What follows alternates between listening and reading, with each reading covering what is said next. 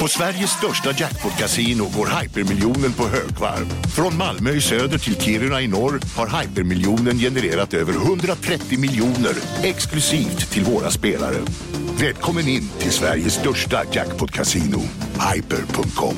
18 plus, regler och villkor gäller.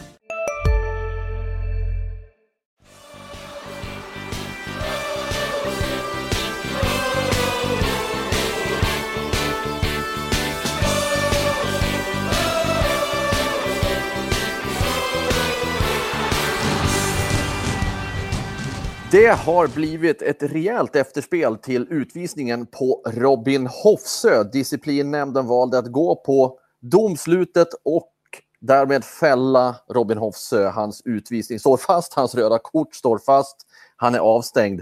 Det här ska vi diskutera i veckans avsnitt av Landskrona Boys-podden. Vi ska såklart också titta på den matchen som ändå eh, Boys gjorde väldigt bra, men bara fick med sig 1-1. Och det får mig att ställa frågan, är det så att det är dags för Boys att höja sin målsättning? På fredagskvällen händer någonting mycket intressant. Två av våra stora lag, Landskrona Boys och Helsingborgs IF, kommer då igång med sina damsatsningar på allvar. Premiär i division 4 för båda lagen. HD kommer att vara på plats. Det ska vi prata om och i samband med det så får ju Boys också ta in publik. Inte fullt, men 500 eh, är helt klart värt att uppmärksamma på flera sätt. Marianne Svav, Sebastian Rönnström och så jag och Mattias Hjelm ska lotsa er igenom denna vecka och på direkt bara Robin Hofsö. Vad, vad, vad har ni tänkt i hela det här ärendet? Jag eh, eh pratade nu i eftermiddags Eh, när vi spelade in det torsdag eftermiddag. Strax där nästan beslutet var färskt. När Billy Magnusson, tränaren, hade tagit del av det och eh, Billy som i normala sätt, och det kan ni kanske skriva under på, är en mycket balanserad och sansad människa i vanliga fall. Jag har nog aldrig hört honom så upprörd. Eh, var det för att eh, Boys kände sig som klubb oförrättat. Nej, det var inte det han sa. Det. Jag sa det, ja men det är klart att ungefär att du måste reagera som det gör väl de flesta som har fått tveksamma röda kort eller där disciplinnämnden, där de inte är överens med disciplinen. Hur många är det ungefär? Alltså, men det var faktiskt, han tog fram en annan aspekt och det var att det här med att eh, han var väldigt ledsen för eh, Robins skull och att det var liksom en principsak tyckte han för klubben att man står upp för sina spelare, för alla, liksom för en klubb.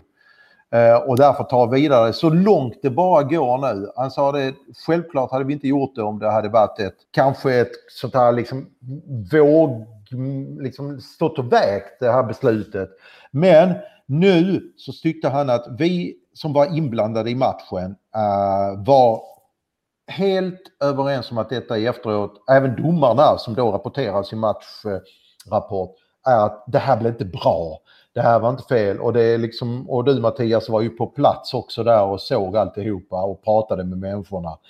Eh, och detta visar sig också i disciplinnämndens beslut att de är oeniga. Två av ledamöterna gick på, på, på Boys linje att det här och friade då Robin. Medan två andra gick på domar, eller på det här beslutet, domarbeslutets linje och i en eh, disciplinnämnd så är det då till slut ordförande när det står väger mellan att det står väger jämnt så tar det så det är troligtvis utan att ha så sagt ta del i detalj av beslutet. Men jag vet om att det blev 3-2 i favör för att fälla eh, eller att domslutet kvarstår, vilket gör då att han automatiskt är avstängd mot nästa vecka mot Gais. På tisdag mot Gais, ja. ja. Jag ska återge kort här vad som hände. Ja, nej, det kan jag faktiskt inte göra, för jag vet fortfarande inte vad som hände. Men helt rätt, Marianne. Jag var på plats och såg matchen mot Örgryte. Och jag ska villigt erkänna att precis i den här situationen så var jag lite sådär i min, min dator också och formulerade någon mening. Så jag uppfattade inte riktigt det live, vad som hände. Och i efterhand förstod jag att det var inte så konstigt att jag inte gjorde det.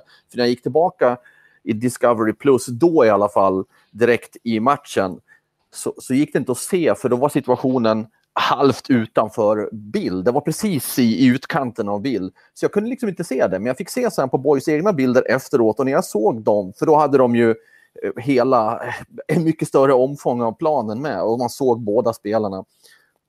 När jag såg det där sen så var det så här, men det händer ju inget.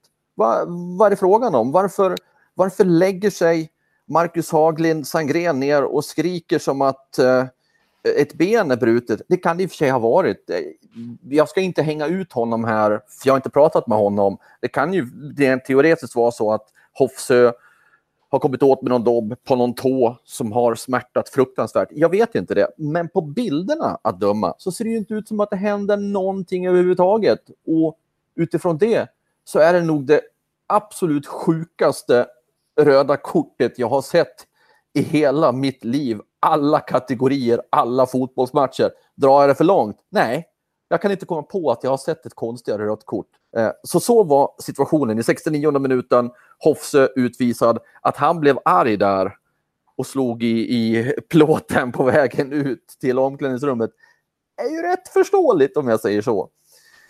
Så, nu har jag återgett det som jag fortfarande inte vet vad det var. Men grejen är ju den också att domarna också, hade det varit någonting att han hade sagt någonting i situationen som föranledde liksom det här eh, kortet så, så, skulle ju domaren tagit upp det i rapporten också att han eh, okvädesord eller att han slängde ur sig någonting där i stridens hetta eller så. Va? Men det står ju ingenting om det och därför undrar man liksom att Boys måste ju skickat in de här egna bilderna eftersom Mattias du sa att man ser inte det i den ordinarie sändningen utan då får man, får man ta hjälp av de andra bilder som de filmar själva matcherna. Så att man, och, och det måste ju disciplinnämnden sett och Billy undrar ju själv när jag pratar med honom, har de ens tittat på den här situationen? För då hade de förmodligen, han sa det, då hade de ju reagerat som alla vi andra som har sett de här bilderna som inte då är själva sändningen. Jag tycker också det, alltså utifrån det jag ser, jag har ju bara sett de här bilderna i Discoverys sändning och alltså det enda jag kan tänka mig är att det är någon slags eh, kontakt där de eh, hakar ihop på något sätt. Jag ser inte den kontakten, men det är det, den enda rimliga förklaringen till att man överhuvudtaget skulle kunna ta ett gult kort är det ju i så fall. alltså, Eller frispark. Ja, precis. Alltså det är ju inte på något sätt... Alltså på reprisbilderna så det, man ser ju inte något avsiktligt i det Robin Hoffsö gör. Och, och då känns det ju helt obegripligt när domarna då efteråt när de får se eh, Boys eget material och då håller med om att det var ett felaktigt beslut. Att då en disciplinnämnd sitter och tre av fem personer tycker att det fortfarande ska vara rött kort. Det är för mig helt obegripligt. Samtidigt så kan jag också tycka, eller tänka att om man sätter sig in i hur disciplinnämnden har, eh, har resonerat så kan det ju kanske vara så att man ser en viss, eller att, att de inte heller ser riktigt vad som har hänt. Och att det är lika svårt att se att någonting händer som att någonting inte händer kanske, om, om ni förstår vad jag menar. Och att man då inte kanske... Man tänker att det röda kortet finns där. Tar vi bort det här röda kortet när vi inte själva är säkra på vad det är som faktiskt händer i den här situationen, då kan det bli lurigt i, i kommande situationer om man då ska kanske se det här som någon slags prejudicerande i, eh, i framtida bedömningar som är, är likadana där, där det inte går att se ordentligt vad det är som händer i situationen och att man därför då väljer att stå fast vid det beslutet som är taget av domaren. För man helt enkelt känner att man har kanske inte tillräckligt med kött på benen för att kunna slå fast att det händer ingenting. Lika lite som man kan slå fast att det händer någonting. Eh, men att här finns ett beslut taget och då, då rättar man sig efter det så länge man inte har en tydlig bild av att det är ett riktigt felaktigt beslut. Det, jag vet inte hur eh, disciplinnämnden har resonerat men det är en tanke jag, jag fick eh, som, som skulle kunna vara möjlig. Men eh, för, för att tillägga då så enligt då Billy Magnusson så är det ju så att det är ju inte huvuddomarna som tar beslutet utan det är en av de assisterande som påkallar hans uppmärksamhet och pekar på då liksom vad som har hänt i situationen. Eh, eh, enligt honom då. Eh, och för att då kommentera, jag, jag, jag, jag, har varit, jag är inne lite grann på din linje, att man kanske är rädda för att man målar in sig en linje vid andra tveksamma situationer. Men då blir det väldigt konstigt också att ute i det civila, där friar vi ju när vi inte är hundraprocentiga. Men här fäller man alltså när man inte är hundraprocentig. För mig är det en helt absurd tanke. Alltså jag skulle vilja fylla på, fylla på här också, därför att om vi tittar på det här med assisterande domaren och huvuddomaren, precis som du säger Marian, så ska det alltså varit assisterande domaren som påtalat det här. Redan direkt efter matchen så ifrågasatte Max Mölder, också tränare då i Boys, att det brukar vara att man viftar ordentligt och här ska det vara ett kort, men det hade tydligen inte Velini-mannen gjort. Utan Max Möller drog det så långt som att säga då att det här har han gått på hörsägen och, och, och huvuddomaren har tagit ett beslut som egentligen inte är grundat. Om man då lägger till efteråt att domarteamet, när de har sett bilderna, konstaterar att det här är felaktigt. Då är det för mig så att då finns det ingen anledning i hela världen för disciplinnämnden att stå fast vid sitt beslut. För då blir det bara, det blir bara dumt och tramsigt Eh, och då, då fyller ju disciplinnämnden egentligen i sådana här ärenden ingen funktion överhuvudtaget. Om inte ett sånt här kort kan dras tillbaka när domarna själva medger att det inte var en utvisning, då finns det ingen situation i världen som kan eh, lämnas till disciplinnämnden och förändras. Så då, man kan säga så här, uttrycka det så här, att disciplinnämnden har fått ett uppdrag mindre framöver genom att fatta det här beslutet. Ingen gör sig betjänt av att skicka in en överklagan när det gäller domslut. Jag tänker på en ren mänsklig aspekt också, eh, även från eh, domarens perspektiv. Domaren kan ju inte känna sig jättebra över disciplinnämndens beslut heller. Eh, lika lite som Robin eller Boys. Jag menar, han har ändå liksom gått ut, eller de här domarna har gått ut och erkänt att det här blev inte bra, det här blev fel. Eh, och hade vi kunnat haft det ogjort så hade vi haft det. De lägger sig platt. Och nu i efterhand så stängs av en spelare fast de har påtalat det både i den officiella matchrapporten och utåt sett att eh, jag menar, nu vet jag inte eftersom jag inte pratat med domare, men hade jag själv liksom, då hade jag känt mig lite grann, ah, jag har satt en kille i skiten. Jag försökte göra det ogjort och jag försökte påtala att det här blir inte bra, kan vi stryka det här? Och så går inte det! Hur känns det för domaren, tänker jag? här, här tycker jag ändå att det är starkt av domarteamet. Jag vill ge dem en upprättelse. Alla har rätt att göra fel och misstag. Och om man dessutom erkänner det och, och berättar om det i matchrapporten, vad mer kan man kräva om ett domarteam? Och jag tror faktiskt inte att, att boys är upprörda längre på domarteamet. De har gjort vad de kan och det hedrar dem. Så här faller ju all min kritik på disciplinnämnden i det här läget. Uh, nu är det inte sista ordet långt ifrån sagt tror jag. Jag blir ju inte jätteförvånad om Robin Hofsson är med i matchtruppen mot Geisen då. Jag, jag kommer inte tappa hakan. För de har som sagt var rätt att överklaga klubben Eh, ytterligare en gång. Och det kommer de göra såklart. Det har ju redan fastslagits. Vi kanske ska släppa Robin Hofsö för det. Vi har, vi har pratat och sagt våra åsikter i det här. Sebastian har också lanserat vad han kan tänka sig hur det skulle kunna vara, varför disciplinnämnden kommit fram till det här eh, beslutet. Ni får själva göra er bedömning. Eh, vi släpper det för nu. Vi får säkert anledning att återkomma till det här. Men vi håller oss kvar vid matchen, för även med en utvisad så var det Boys som hade de främsta chanserna. Och det kanske inte fyller så stor funktion att gå igenom hela matchen från minut ett till framåt eh, till slut. Men alltså vilka chanser Boys hade att avgöra det här. Att det blir 1-1, det är ju två kort och gott förlorade poäng för Boys, Sebbe.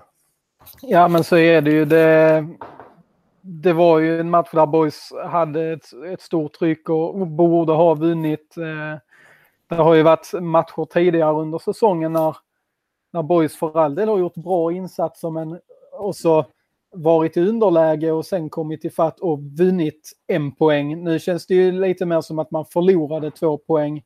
Eh, för så pass mycket bättre var man och sen så är det ju klart att det, det får en effekt när man får en utvisning och allt det här händer och, och att det, det, blir, eh, det blir lite uppackat på det sättet. Men eh, nej, Boys gör ju en bra insats eh, på många, många plan och skulle haft med sig två poäng till från den här matchen.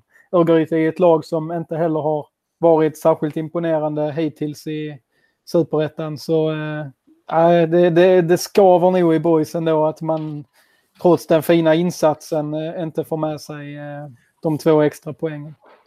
Filip Olsson gjorde sitt första mål. Han blev också varnad sen, så han missar matchen mot Gais. Han är avstängd. Han har alltså tre gula kort. Eh, och sen hade han en frispark som såg ut att vara ganska nära, men han sa efteråt att han inte fick så bra träff på den. Men sen i slutet på första halvlek, Oskar Petersson, jätteläge, men en helt overklig räddning. Returen, Filip Olsson, jätteläge, men två Örgryte-försvarare som offrar sig hänsynslöst och lyckas stoppa bollen. I, I andra halvlek, Filip Olsson spelar fram snett bakåt till Oskar Petersson. Kanonläge, målvakt räddar. Filip Olsson, sista, allra sista som händer i princip, gör ju en sån briljant upprullning av Örgryte-försvaret och och sen ska han bara knorra in den i bortre och den går utanför. Alltså det är såna, såna högoktaniga chanser så det är inte klokt. Och förspelet till, till eh, 1-0-målet får vi ju inte glömma. Melker Hayer som fick starta matchen igen. Fantastiskt fint inbrott i straffområdet och frispelar eh, Filip Olsson. Det finns så mycket här som är bra. Ron Hofsö var bra, jobbade stenhårt. Linus Olsson eh, låg bakom mycket. Ja, alltså, och tittar man på hur de startade så fick Dennis Olsson chansen som högerback. Eftersom Alexander Tkach inte kunde vara med så spelade Jonathan Asp där till vänster. Det, det, det är massor som, som, som, finns att beröra här. Finns det någonting som ni skulle vilja eh, poängtera förutom att Boys hade många chanser? Äh, men ni, jag tycker Melker Heijer är värd beröm för den här assisten han gör. Det är en fantastisk tvåfotare han gör och tar sig förbi försvaret och sen så bara lättar ut den med yttersidan till Filip Olsson. Det är, det är ruggigt imponerande och, och kul att se Melko Heijer som, som har, är något av en doldis, eh, har haft en liten speciell resa upp till Borgs A-lag som nu, nu har fått chansen och även tagit den. Han gjorde det bra mot eh, Jönköping Södra också tycker jag, även om det var en kollektivt svag insats. Så han visar ju verkligen framfötterna och att han vill vara med och, och slåss om det på riktigt. Eh, mittfältet har ju känts ganska så eh, stängt eh, tidigare för att komma in på, men, men där eh, börjar det ju bli lite mer eh, konkurrens också. Jag skulle vilja säga här då att eh, först ska jag vilja lägga till en sak som jag glömde i mitt korta referat här. Det är ju så att Andreas Murbeck, ja även med Robin, Ho Robin Hofse gick ju upp högt på en hörna. Alltså de var ju helt omarkerade och Andreas Murbeck skulle sätta dit pannan och ja, målvakten gjorde en fin räddning där också. Det skulle ju ha varit mål dessutom. Själva baklängesmålet så är det ju Viktor Wilstrand som säljer sig ganska billigt i en en mot en situation. Nu har ju de här två mittbackarna, Wilstrand och Murbeck, i ett par matcher. Det är väl tre, tre tillfällen totalt som har lett till mål där de i man mot man situationer har blivit slagna av sin gubbe. Där finns ju fortfarande en lärprocess som jag ser det att ta hand om. Sen att, sen att eh, markeringen därefter inte är jättebra när, när eh, Örgryte kvitterar. De är ju ändå fler i straffområdet där, eh, boys, så det ska inte bli en sån situation som det faktiskt blir. Men hur som helst, chanserna framåt är ju så många fler så det ska ju räcka även vid ett sånt misstag hemåt till seger. Men nu kommer då Alexander Tkac förmodligen tillbaka och då ställs ju frågan eh, ytterbackspositionen, igen. Vem ska spela till höger? Nu var det Dennis Olofsson som sen blev utbytt i 67 minuten. Tidigare har det varit Hampus Färm och det var Hampus Färm som kom in. Och Jonathan Asp spelade till vänster då. Har ni någon synpunkt på, på just den positionen om vi ska ta det ett varv till? Ja, alltså jag har väl inte riktigt landat i vad jag tycker. Eh, samma läge som förra, eh, förra veckan när vi diskuterade det här. Men men eh, det, det, som vi har varit inne på tidigare att det finns olika vägar att gå. Men eh, om man ska jämföra de här, eh, Hampus Fram är ju tokoffensiv som högerback. Det är ju en högerytter egentligen. Ehm, Jonathan Asp också väldigt offensiv på många sätt men har ju också, kanske till, eh, till skillnad från Hampus Fram, lite mer styrkor i defensiven. Och Dennis Olofsson som någon slags hybrid eh, där som ju också är, eh, även om det är många år sedan nu, men omskolad från en position högre upp i plan från början. Så, så där finns ju att välja och vraka mellan. Men eh, men så ja, eh, men jag vet att du Hjelm har en, har en spaning och en lösning på den här dilemmat. lösning vet jag inte, men en spaning i alla fall. Nej, men, men eh, i den här matchen, Dennis Olofsson startade till höger och det finns en effekt av detta som jag tycker mig kunna se och även matchen innan då. Och det är att Oskar Petersson börjar varva upp och frågan är vad det är som gör det. I den här matchen mot Örgryte tyckte jag mig kunna se en en ganska tydlig tendens och det var att han sökte sig lite mer inåt mitten. Han hade betydligt mycket mer boll. Han kom till betydligt bättre chanser. Han var betydligt mer involverad i spelet. Det, det talar för att det inte är Hampus Färm som är, som du sa, tokus, eh, tok offensiv som, som ska ha högerbackspositionen. Det drabbar ju Hampus i så fall utifrån min tanke om Oskar Petersson här. Så det där är ju en knut som tränarna får lösa. Men, men jag sätter nog inte ens Dennis Olofsson som första valet nu, utan jag, jag skulle vilja se Jonathan Asp spelas in på högerbackspositionen. Och det grundar jag på att när jag har sett honom efter att han varit borta ett antal matcher och varit petad, när han har kommit in och sen nu då i den här matchen så tycker jag att han är nog den av de tre som totalt sett är den mest stabile för tillfället av spelarna. Den som gör bäst ifrån sig. Så jag skulle faktiskt förorda Jonathan Asp bakom eh, Oskar Petersson på högerkanten i det här läget och låta honom få chansen där på allvar nu, Jonathan Asp. För Tkac lär komma tillbaka och sen är det ju då vad som händer framför honom. För Kevin Jensen var alltså petad mot Örgryte, vilket förvånade mig. Men det kan jag inte tänka mig att han är i fler matcher. Hur ser ni på de här två, två spaningarna? Ett, Jonathan Asp och Kevin Jensen. Jonathan Asp eh, kan jag väl hålla med dig om. Han är, har ju mycket rutin. Han är säker, eh, är är liksom etablerad eh, på den här nivån. Om man tänker Hampus Farm som fortfarande har en läroprocess framför sig i den här rollen. Eh, det, det pendlar ju lite upp och ner där på ett annat sätt än vad det gör för Jonathan Asp. Jonathan Asp har ju förvisso också en lite så skadebakgrund som kan ställa till det. Men, nej men alltså, jag tror det, det funkar oavsett vem av de tre man kör. Men jag tycker det, du har en poäng där i att han är stabil och man vet lite mer vad man får. Det vet man i och för sig med Dennis Olofsson också som ju har haft den här platsen i rätt många säsonger. Men, men eh, eh intressant eh, och jag tror att det kan, kan bli bra med Jonathan Asp också. Kevin Jensen, är, som du säger Hjelm, skulle jag bli väldigt förvånad om han sitter på bänken en match till. Det, jag blir också väldigt förvånad. Det är ändå den eh, längst fram som har gjort störst avtryck hittills. Så det känns ju lite konstigt att, att han faktiskt var utanför. Men kanske ett sätt att, att väcka honom också. Kommer han in lite revanschsugen här till gais matchen på eh, tisdag. För, nej, jag kan inte riktigt tänka mig att, att han sitter på bänken då igen. En annan spelare som satt på bänken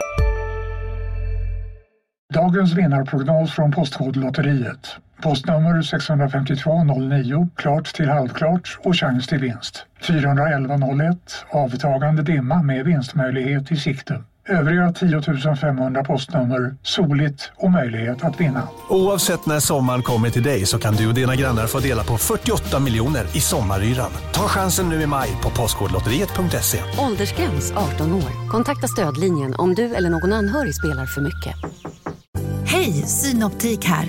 Visste du att solens UV-strålar kan vara skadliga och åldra dina ögon i förtid? Kom in till oss så hjälper vi dig att hitta rätt solglasögon som skyddar dina ögon. Välkommen till Synoptik.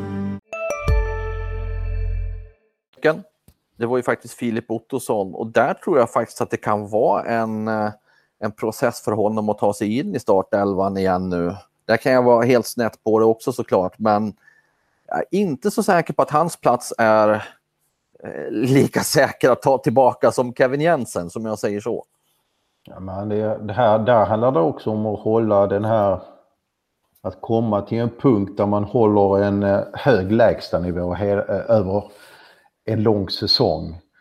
Och, man får, eh, och, och där Filip Ottosson har gjort det jättebra när han kom ju här nu. Anpassade sig väldigt fort sånt. Men det är ganska naturligt också att man får en dipp efter ett tag när man kommer från en lägre serie. Uh, det förvånar mig inte samtidigt som då han är konkurrensutsatt. Där är, uh, jag tycker just där är ju Boys klädda ju. Både vad det, i, i hans roll så att säga. Så att uh, både för hans del och Kevin, Kevin Jensen, alltså, för Kevin Jensen ett wake-up call. Det kan vara liksom för att han har trampat lite vatten här på slutet. Han börjar ju serien fenomenalt bra ju. Han är ju fortfarande den som ändå liksom har kanske den största potentialen i den här truppen. Offensiva potentialen.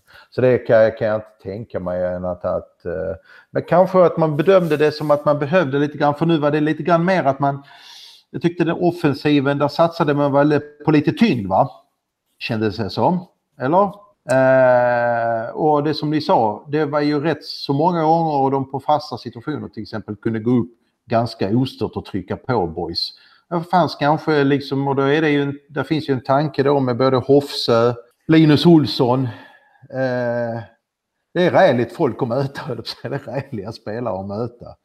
Eh, för ett ganska vekt eh, Örgryte eh, tycker jag i grunden, som när jag såg dem redan på Olympia, ett ganska tunt lag. Så att det kan ha varit ett medvetet taktiskt val också, behöver inte ha varit en petning för att Kevin Jensen är dålig.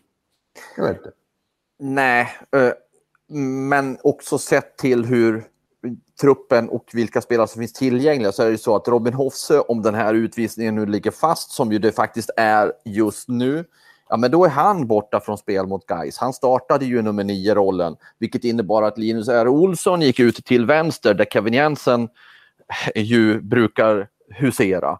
Och Linus Olsson då har ju dragit på sig en spricka spricka i tån det, ja, i den matchen. Så han är ju också eh, borta från spel eh, mot Guys. Så det är ju självklart att Kevin Jensen kommer in där igen, som jag ser det. Och, och då är ju inte den positionen heller lika konkurrensutsatt som, som eh, där bakom, där det då finns Filip Ottosson, Melker Heijer, du har Zumar Almadjed, Måns Ekvall och, och Filip Olsson som jag skulle vilja du säger Kevin Jensen är den med störst, med störst potential. Jag undrar om inte Filip Olsson till och med är lite högre upp på den skalan när jag tittar på det. För, för Filip Olsson, han har ett register också med sin längd eh, och sitt sätt att eh, hantera matcher som Ja, det är svårt att säga vem av dem som har störst potential. Låt oss säga att båda har väldigt stor potential. Filip Olsson som dessutom har kommit in i det här mer och mer nu och börjar verkligen vara den nyckelspelare som Boys behöver, men är borta mot Guys för att han är avstängd. Så det blir en väldigt tuff historia för, för Boys mot Guys. Nej, men det är klart det är som du säger, liksom, om man ska nu rangordna potentialen så absolut. Och Filip är ju den som också eh, har börjat göra lite grann poäng här nu. Men sen så har du ju Kevin Jensen har ju någonting som är väldigt eftersök i modern fotboll. Det är att han kan göra saker i hög fart med boll. Sånt är ju alltid som de tittar på. Det och givetvis att göra poäng. Ja, men det, det, det, det känns ju som att eh, det kommer ju bli att, som sagt var, Linus missar ju, men vänsterkanten kommer ju vara mot Gais. Alexander Tkac är ju han ska in i träning. Det var bara en försiktighetsåtgärd här, så i slutet av helgen räknar de med boys att han är i träning. Och då blir det han och Kevin igen ju. Såklart, eh, på vänster. Eh, sen eh, är det en annan eh, liten eh, kan bli en liten överraskning och det är att Erik Persson eh, har ju gjort två eh, träningar, nyförvärvet, eh, tunga nyförvärvet, eh, har gjort nu två träningar denna veckan eh, med full belastning. Eh, utan att det har kommit några negativa reaktioner på det. Eh, är han färdig att spela 90 minuter? Nej, jag skulle inte säga att han kanske är färdig att spela 45 minuter eftersom dels måste han klara av en, en hel träningsvecka Eh, och visa att det inte blir några bakslag och sen så är det kanske så också att just mot Gais kanske inte aktuellt, eller så blir, men det återstår tre matcher innan EM-uppehållet. Eh, hur mycket ska man chansa med Erik Persson? Nej, det kommer man inte göra såklart. För det återstår ändå fortfarande en hel del fotboll att spela efter EM-uppehållet, när man har bestämt 19 omgångar. Och då ska ju helst Erik Persson eh, eh, vara på topp där och hjälpa boys. Eh, ska glö inte glömma det, han har ju inte heller, även om han förstår hur boys spelar och vad som förväntas av honom i hans roll så är det fortfarande så att han har inte liksom den här kemin, han har inte spelat ihop sig. Så det tar ju också tid. Sen är det lite grann timing och bolltouch och så. Såklart. Men eh, där är ju ett praktnyförvärv som boys får in eh, eh, under resten av säsongen om det inte blir några bakslag. Filip Andersson missar ju samtliga matcher fram till EM så han är också väck här nu framöver. Lite grann sådär men det, här får man ändå säga att jag menar om nu Linus Olsson missar så kommer Alexander Tkach in istället och Kevin Jensen tycker jag är ändå helt okej okay ersättare. uh, och framåt uh, uh, så har man också, jag tycker summa summarum min poäng är att det finns en bredd i den här truppen som gör att folk kan gå in och göra jobbet även mot ett lag, bra lag som Gais. Eh, så att eh, jag tror inte tränarna, eller jag pratade med Billy idag, han är inte jättebekymrad. Det ska han inte heller vara. Han måste kunna lita på samtliga spelare i truppen och jobbet. Men jag tycker också faktiskt att han har all anledning liksom att vara, sitta lugnt i båten. För det är rätt många som visar att de klarar av den här nivån. Och där vet jag att du Mattias Hjelm eh, har en liten spaning. Eller inte spaning, det är nästan ett krav på boys. Ett utspel. Ett utspel, ja. utspel, inspel, inlägg, utspark, you name it. Vad som helst. Jag tittar här och tittar på tabellen och jag skulle säga att det här blir en klockren övergång nu och så tog du den övergången. Det är helt okej. Okay. Men tabellen ser alltså ut som så att Värnamo med sju matcher ska noteras här just nu. 16 poäng. Norrby med... Klara för allsvenskan menar du? Värnamo med flera matcher till guld. Norrby tvåa, nio matcher spelade, 16 poäng. Och sen är det då åtta matcher ner och då, eh, på resten. Sundsvall 3 14, Landskrona Boys 4 13, Gais 13, Västerås 13, HIF 12, Jönköping Södra 11, ja, och så faller det ner så här. Så det är ju väldigt, väldigt tajt. Jag är medveten om det. Men med det du sa, Marian, och det jag själv också tycker, så är det dags nu, åtta matcher in, på väg mot den nionde, att höja målsättningen för Boys. Boys ska inte nöja sig med att säkra poängen så fort som möjligt, att hålla sig kvar i superettan. Jag tycker faktiskt inte heller att man ska nöja sig med, med att vara ett mittenlag. Jag tycker nu att Borg ska höja målsättningen att hålla sig kvar uppe i toppen. Jag säger inte att det kommer att bli avancemang, men jag tycker att man har material och har visat så här långt och vi har kommit så pass långt in i serien nu att det är dags att faktiskt sätta ner fötterna och tycka att nej, vi, vi höjer målsättningen och det är rejält. Ja, jag förstår att ni boys-anhängare nu kanske tycker och ogillar skarpt att jag börjar jinxa saker här och ting nu. Eh, jag köper det, men jag tar den smällen för jag, nej, jag står fast vid det. Kommentar på det? Synpunkter på det? Eh, ja, vad ska, vad ska man säga om det? Nej, men eh, alltså Boys har ju visat eh, i de här matcherna att de är definitivt inte sämre än vad något annat lag är. Eh, Sen vet vi att det, det tar ett tag innan en tabell sätter sig. Vissa lag har, en, eh, har alltid en lite sämre start och kommer igång så småningom. Det står vi till exempel Sundsvall som har steppat upp här successivt. Ser också att vissa lag brukar börja väldigt bra och sen så kan de falla ganska snabbt i tabellen, speciellt när det är så pass jämnt. Eh, jag, jag, håller med i sak om att Boys bör höja sin målsättning. Eh, att de ska sikta på toppen. Det är klart att alltså, de, de går in för att vinna alla matcher och ska göra det. Eh, sen så i ett långsiktigt perspektiv tror jag väl kanske att en placering på övre halvan, eh, säga där 7-8 till, till att börja med, kan vara rimligt att kräva, kräva eh, om vi ska använda det ordet nu. Eh, om, om man tänkte innan säsongen att man kunde kräva att Boys skulle komma eh, ja, men, med, med, något avstånd till, till kvalplatserna neråt i alla fall. Att man, att man säkrar kontraktet på ett hyfsat tryggt sätt så tycker jag nog att man med de här åtta matcherna i ryggen skulle kunna höja kravribban och sätta den eh, runt en eh, ja, men mittenplacering, kanske till och med då på övre halvan. Sen såklart, alltså fortsätter de göra så här. Eh, hade de fått med sig de här två extra poängen mot Örgryte och sett till att verkligen stänga en sån match och, och ta med sig segern där. Det, för det, det, är lite de grejerna jag tror att man måste... De måste bli bättre på att verkligen eh, utnyttja de här chanserna de får och stänka dit eh, bollarna för att kunna ta tre poäng, fler trepoängare. Gör de det så är det klart att där finns alla möjligheter i den här jämna serien där, där egentligen inget lag förutom då Värnamo och Norrby som har liksom överträffat alla möjliga förväntningar. Då finns alla möjligheter att kunna hänga på länge tror jag. För det, jag tror Marian var inne på det i någon podd, eh, om det var förra veckan, att, att eh, det kommer nog ta sin tid innan den här tabellen sätter sig. Eh, och då tror jag nog att eh, så länge man hänger i eh, under en lång tid eh, så kommer chanserna att finnas. För det, det, kommer att, det kommer nog inte att spricka upp på det sättet som det tenderar att göra andra säsonger. Jag tror, jag tror det kan bli rätt så jämnt hela vägen in. Det såg man väl nu när man, eh, jag själv eh, trodde att kanske Sundsvall och Trelleborg skulle eh, mala på. Så åker Sundsvall nu på en hemmaförlust mot Jönköping.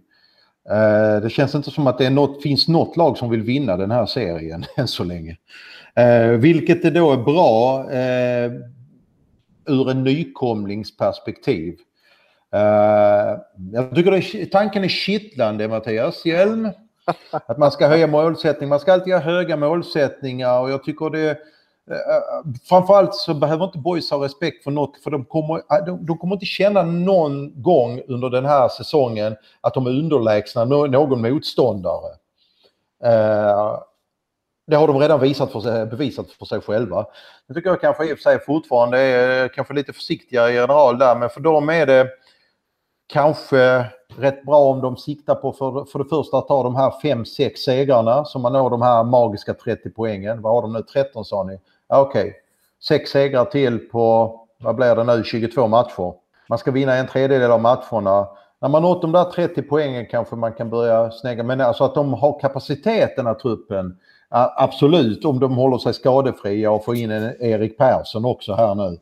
Det kan bli spännande. Jag, jag, jag återkommer i ärendet efter de här tre viktiga matcherna fram till EM-uppehållet där man möter då Gais borta, sen har man Brage och så Vasalund. Eh, där vill det till att det tickar in lite poäng. Eh, gör det det så är jag beredd att eh, skriva under helt så de står där liksom kanske på en... Så att de spelar in 5, 4, 5, 6 poäng till. Då är vi uppe i 20. Då behöver vi vinna 3, 4 matcher till.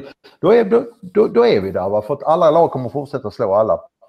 Eh, däremot skulle det visa sig att den här, att inför EM-uppehållet att man slutar lite halvdant med förluster mot Jönköping. Man skulle vunnit mot Örgryte och så bland poängutdelningen sådär väldigt bra mot Vasalund, Braga och Gais. Ja, men då kan det ju snabbt bli liksom att man kanske börjar känna flåset.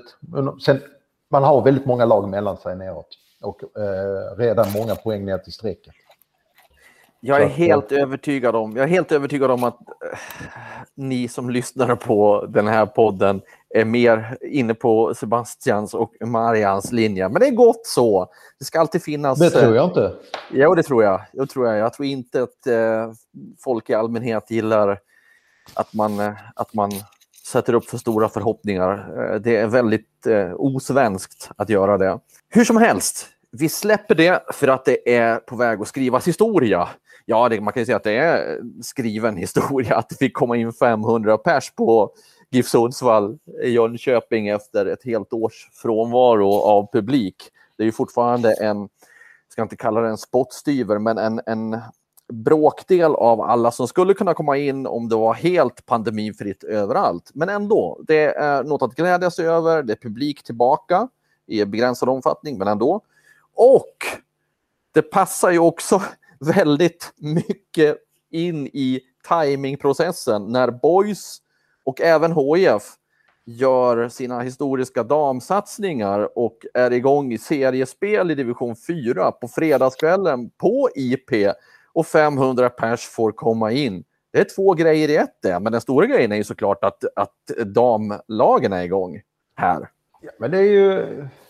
Ja, men det, det kommer ju bli, alltså det är ju, vi, vi ska ju inte glömma att det fortfarande är division 4-fotboll och, eh, men det är ju ändå, det är lite grann kittlande. Det finns ju som du säger Mattias rätt mycket saker som eh, eh, spelar in som man kan le åt. Eh, dra på munnen åt och det är bland annat då som, jag, som du sa då, liksom, då var, de släppte biljetterna i måndags på två och en halv dagar så var de slutsålda. 500 personer. de skulle säkerligen kunna sälja fler. Vi pratade här innan programmet, tittade lite grann. Sebbe får rätta mig, men eh, vi fick gå tillbaka, givetvis eh, på grund av pandemin fick vi gå tillbaka till 2019-säsongen där vi tittade på eh, publiksiffrorna, snittet för eh, eh, damallsvenskan och där var Rosengård toppad på ett snitt med 1400 pers. Eh, och det var väl tre lag över 1000 per och sen så var det resten enda, och så hade vi enda siffror ner till i botten där det var 200 i snitt. Och jag tror ju boys, jag är helt övertygad om att alltså, om restriktionerna hade lättat ännu mer eller att det hade varit fritt blå så hade den här matchen eh, samlat över tusen personer. Ganska övertygad om inte liksom gått över det här publiksnittet som allsvenskans bästa lag hade 2019, Rosengård med 1400 pers. Eh, det kommer förmodligen inte vara så framöver och det har ju spelat in att folk är sugna också för att gå och titta på livefotboll. Men tajmingen är ju utsökt med tanke på som vi säger liksom eh, matchens eh, speciella aura. Eh, och eh, Eh, så får vi se vad de här satsningarna ger eh, på sikt. Det återstår. Man ska ju veta det. Det är en lång väg att vandra. Eh, klubbarna har olika ambitioner med sina satsningar. Det är lätt att säga att ja, vi ska ha ett lag i antingen elitettan som det heter, motsvarigt superettan hos herrarna, eller damallsvenskan. Men det krävs både jätteresurser Eh, och, och, och, för damallsvenskan kommer bara växa vad det gäller, liksom den biten. Eh, och eh, man, alltså platån går någonstans, vi har sett det också vid division 2, division 1. Dit kan man ta sig hyggligt snabbt. Men sen är ju stegen desto större. Ja, men det, det ska verkligen bli, bli roligt att, att se den här matchen. Eh, som vi, eh, som vi livesänder på, på hd.se för de som inte fick eh, plats bland de eh, 500 som har köpt biljetter. Intressant att se var, var de här de satsningarna kan bära. HIF har ju gjort klart för sig att här, där ska det spelas damallsvensk fotboll i framtiden och, och Boys har ju också väldigt höga ambitioner. av naturliga skäl så så har man ju inte jättestenkoll på alla spelare i de här lagen eftersom många kommer från lägre divisioner. Men det finns ju också de som kommer från högre divisioner och har, har ehm, eh, är väldigt skickliga spelare. Så, eh, så jag tror säkert att både HIF och Boys eh, kommer att ligga med i, i toppen i, i den här division 4-serien. Och konstigt vore det annars med tanke på att man ändå har plockat in rätt så eh, bra spelare från högre divisioner och, och eh, det är ju den lägsta eh, divisionen på damsidan. Så det är nog ingen, man såg ju Malmö FF till exempel, nu plockar de ju ett, nästan ett helt division 1-lag från Dösjebro eh, förra säsongen, men de, de sprang ju igenom division 4 med förkrossande överlägsenhet. Eh, kanske inte eh, man ska sätta de kraven på HIF och Boys eh, här direkt, men men jag tror nog att man kan förvänta sig eh, och att de själva sätter eh, väldigt höga krav på sig. Och, och det här är ju en, en satsning som är på allvar. Det är ju inget som, alltså man tänker, visst det är division 4 de spelar ju nu, men kraven och, och, ambitionerna är mycket högre än så, både från spelarna som har anslutit till klubbarna och, och även klubbarnas egen eh, vilja att det här ska, ska kunna bära på, på lång sikt och, och bli något, eh, något eh, som ska kunna lyckas. Jag vill lyfta fram ytterligare en aspekt i det här. För, för mig handlar det inte bara om att det finns damlag i division 4 som det nu är, utan det är också så att för, för nya tjejer att ha något att se upp till i deras kanske lag som de hoppas på att kunna tillhöra stora organisationer så är det ju väldigt välkommet att det finns ett, ett, ett, ett A-lag som tillhör en seriedivision eh, också, vilket division det nu än är. Så det får ju ringar på vattnet som är värda att uppmärksamma och faktiskt poängtera i det här sammanhanget.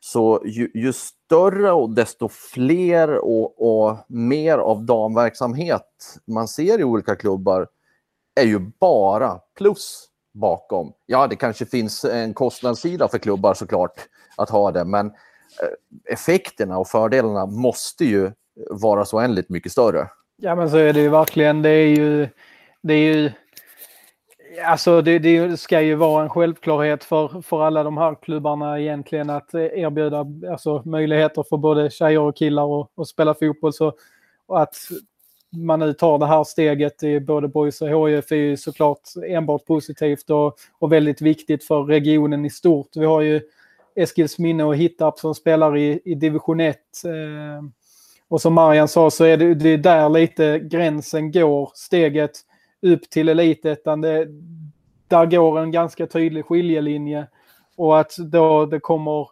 fler klubbar eh, de här de stora loken så att säga i nordvästra Skåne som ju har möjligheter och resurser och på ett helt annat sätt att, att de kan få upp intresset och hypen kring, eh, kring det hela och eh, det bidrar ju på, på så många olika sätt till, till dam och, och flickfotbollen i, i hela regionen så det är ju väldigt positivt och, och roligt på alla sätt och vis. Och vilken tid sa du att matchen började? Matchen börjar klockan 19. Just det. Och ni sa att vi skulle vara på plats också. Jag och Sebbe är på plats och bevakar för webb och eh, tidning och vi sänder matchen dessutom för våra prenumeranter. Precis, det var dit jag ville komma. Vi brukar inte gå på division 4 i någon sport, men det här är så viktigt och värt att uppmärksamma så vi går all in från HD. Och vi hoppas att ni följer med oss på även det här.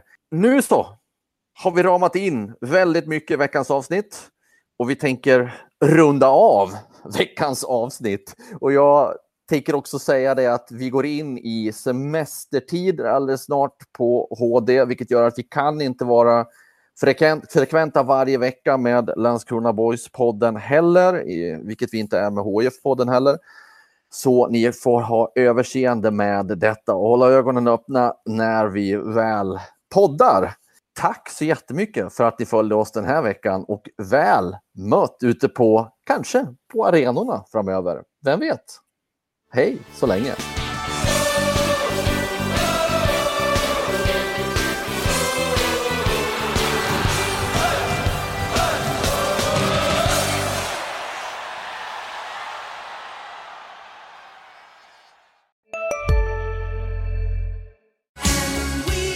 Just nu till alla hemmafixare som gillar julast låga priser. En slangvinda från Gardena på 20 meter för vattentäta 499 kronor. Inget kan stoppa dig nu.